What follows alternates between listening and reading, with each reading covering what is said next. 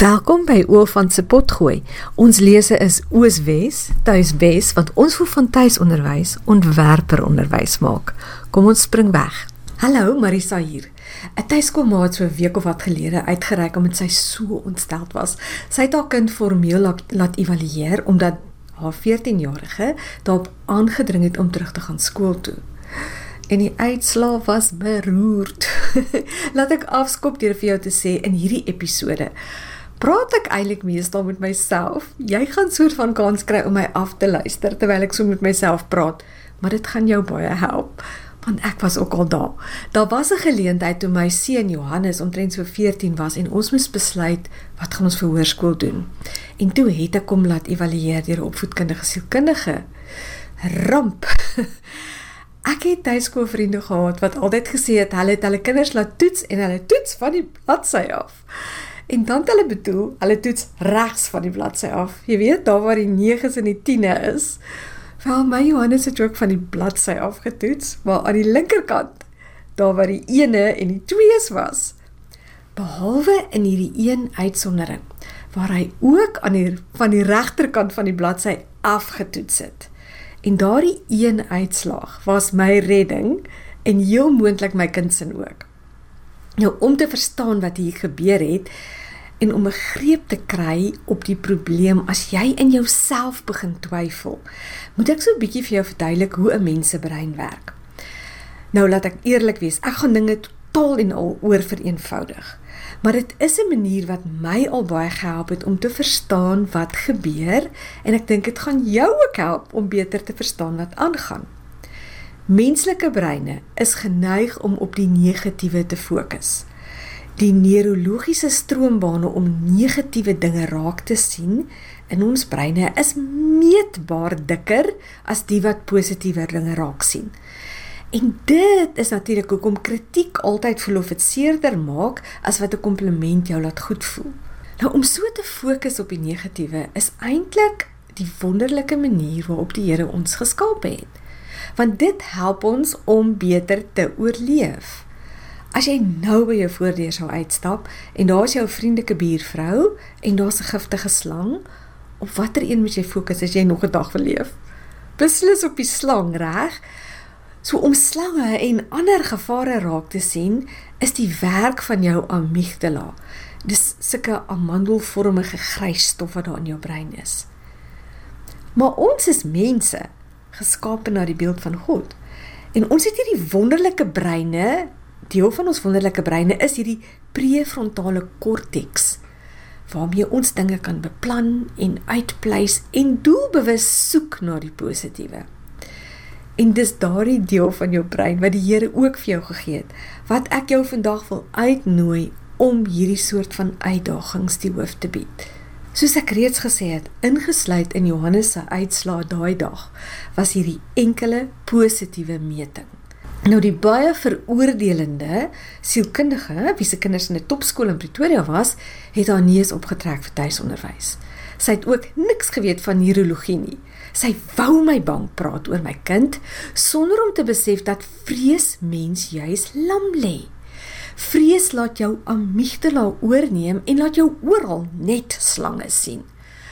Maar jy het in situasies soos hierdie juis jou prefrontale korteks nodig om planne te kan maak en om met kreatiewe oplossings vorendag te kom. Hoe meer ek die sielkundige gepuls het oor daai een skitterende uitslag op my kind se toets, hoe meer wou sy dit wegpraat. Dit het net nie ingepas by haar beeld van 'n tuisgeskoolde kind wat in haar skool, wat in haar oë nie die regte soort skoling gekry het nie. Maar gelukkig is ek self 'n bietjie opgelei in sielkunde en ek het die toets wat sy gebruik het taamlik goed geken. Toe ek by die huis kom het ek bewerig my handboek gaan soek en begin oplees. En ja, die uitslag op daardie spesifieke deel van die toets het gewys hier is iemand wat buitengewone goeie begrips- en redeneervermoë het amper as 'n mens kon dink dis 'n soort 14-jarige vir wie daarvan dat hy 'n jaar oud was of selfs jonger ten minste elke dag 'n uur voorgeles is. Laat ek nou aan jou beken. Ek was geskit. Ek het oorweldig gevoel en soos 'n totale mislukking. Ek het myself verwyd dat ek my kind 'n geweldige onreg aangedoen het deur hom te tuiskool. Maar daar was daai een wonderbaarlike uitslag, die silwer randjie om die donker wolk. Ek het daaraan vasgeklou. Ek het myself gekalmeer en vir myself gesê: "Dit is wat dit is." En toe vra ek vir myself af: "Wat gaan ons nou doen, Marisa?" En ons het aanpassings gemaak. 4 jaar later het Johannes in sy tweede taal uitstekend getoets op die SAT eksamen. Vandag is hy op universiteit en hy kry tot dusver net A's vir alles. Goed, dis nou my storie, maar kom ons terugkeer nou terug na daai ma wie se dogter nou wil skool toe gaan en wat nou sopas ontdek het, sy's nie op standaard nie. As jy my kon sien, sal jy sien ek het daai op standaard ek nog nog stekens vir jou gesit. Toe ek met Johannes se uitslaa in die hand gesit het, het ek nog nie geweet om dit so te doen nie, maar nou weet ek van beter en ek wil jou ook van beter leer. Daarom wil ek jou aanmoedig om doelbewus na eerste na elke greintjie positiwiteit in enige moeilike of krisissituasie te soek. Die eerste ding wat ons hier wil doen is om jou amygdala te kalmeer sodat ons jou prefrontale korteks terug in rad kan kry om met wonderlike oplossings vorendag te kom. Nou kom ons kyk wat is die positiewe punte in hierdie meisietjie se ervaring die heel eerste positiewe punt hoe hierdie ma met my praat is hierdie oud onderwyseres wat sy gaan raad vra het. En om dit in een sin vir jou op te som, hierdie vrou was deur die Here gestuur. Hierdie oud onderwyseres, sy was verskriklik rustig oor die hele situasie. Anders as die sielkundige in my geval, was sy nie daarop uit om haar punt oor tuisonderwys te bewys nie. Al wat sy voor haar gesien het, was 'n tiener wat meer van haar lewe wou maak. Sy kon potensiaal raak sien. Nes ek dit by Johannes kon raak sien danksy die uitslag van daardie enkele subtoets. In hierdie geval het dit onder andere uitgekom dat hierdie meisie se wiskundevaardighede 3 jaar agter haar portiergroep was. Nogtans het hierdie wyse oud onderwyseres nie uitgehaak daaroor en drama gegooi nie. O nee, Haar kalme advies was net kry 'n tutor en haal in. As ek kon, sou ek nou op aandag gestaan het en hierdie vrou gesaleer het. Maar as ek dit doen, beweeg ek te ver van my mikrofoon af en dan gaan jy my nie meer kan hoor nie. So ek gaan net sê, respek juffrou. Jy is 'n opvoedkundige wat verstaan wat 'n roeping is. Die Here seën jou. Mag meer van ons sulke onderwysers raakloop, want glo my, hulle is daar. Die tweede groot pluspunt wat waarop ek wil fokus in hierdie situasie is hierdie meisietjie, hierdie 14-jarige se karakter. Dis iets wat ons maklik kan miskyk, maar daar's drie verhoudings, drie kernverhoudings moet ek byvoeg wat in haar lewe uitstekend is. In die eerste plek haar verhouding met haarself. Sy is die een wat self na haar ouers gegaan het en gevra het om skool toe te gaan. En hoekom? Want sy voel sy leer nie genoeg nie. Vergelyk haar nou met so baie ander tieners wat hulle in die formele skoolstelsel bevind waar hulle dwelms gebruik of hulle self sny of heeldag net rekenaarspeletjies wil speel omdat hulle lewens so leeg en doelloos voel. Dis nie waar van hierdie meisietjie nie. Die tweede verhouding wat nie in die slag gebly het nie, is haar verhouding met haar ouers. Sy het die vrymoedigheid gehad om na haar ouers te gaan en te vra vir 'n verandering en die ouers het dit gerespekteer. Alhoewel hulle waarskynlik geweet het dit gaan beteken dat hulle as ouers geoordeel gaan word deur die buitewêreld, weet soos ons nou amper sien met die uitslag van hierdie toets. En die derde verhouding wat in hierdie kind se lewe nog steeds werk, is haar verhouding met leer self. Sy het nie al lus vir leer verloor nie, sy's nog steeds weetgierig en ambisieus. So deur bloot na hierdie drie verhoudings te kyk, kan ons eintlik sê tuiskool was in hierdie geval 'n reuse sukses. Die kerndinge van opvoeding is gesond. Dit is 'n groot oorwinning. Kom ons sien dit raak. So ons het gekyk na die positiewe van daardie ongelooflike oud onderwyseres met wie hulle paadjies gekruis het. Ons het gekyk na die positiewe van kernverhoudinge wat so gesond is. Maar daar's 'n derde ding wat ek wil hê ons moet bietjie aan dink en dit net in 'n meer positiewe lig stel. Die toets het bevind dat sy 3 jaar agter haar portiergroep was met wiskunde. Maar dit is so belangrik dat ons besef dat dit nie gaan beteken dat dit daar 3 jaar gaan vat om dit in te haal nie. Glad nie. As sy 'n knap tutor kry, kan sy dit so vinnig as binne 3 maande doen. En dit is nie 'n slegte opoffering vir die wonderlike uitkomste daardie 3 verhoudings van haar behoue gebly het nie. Danksy tuisonderwys.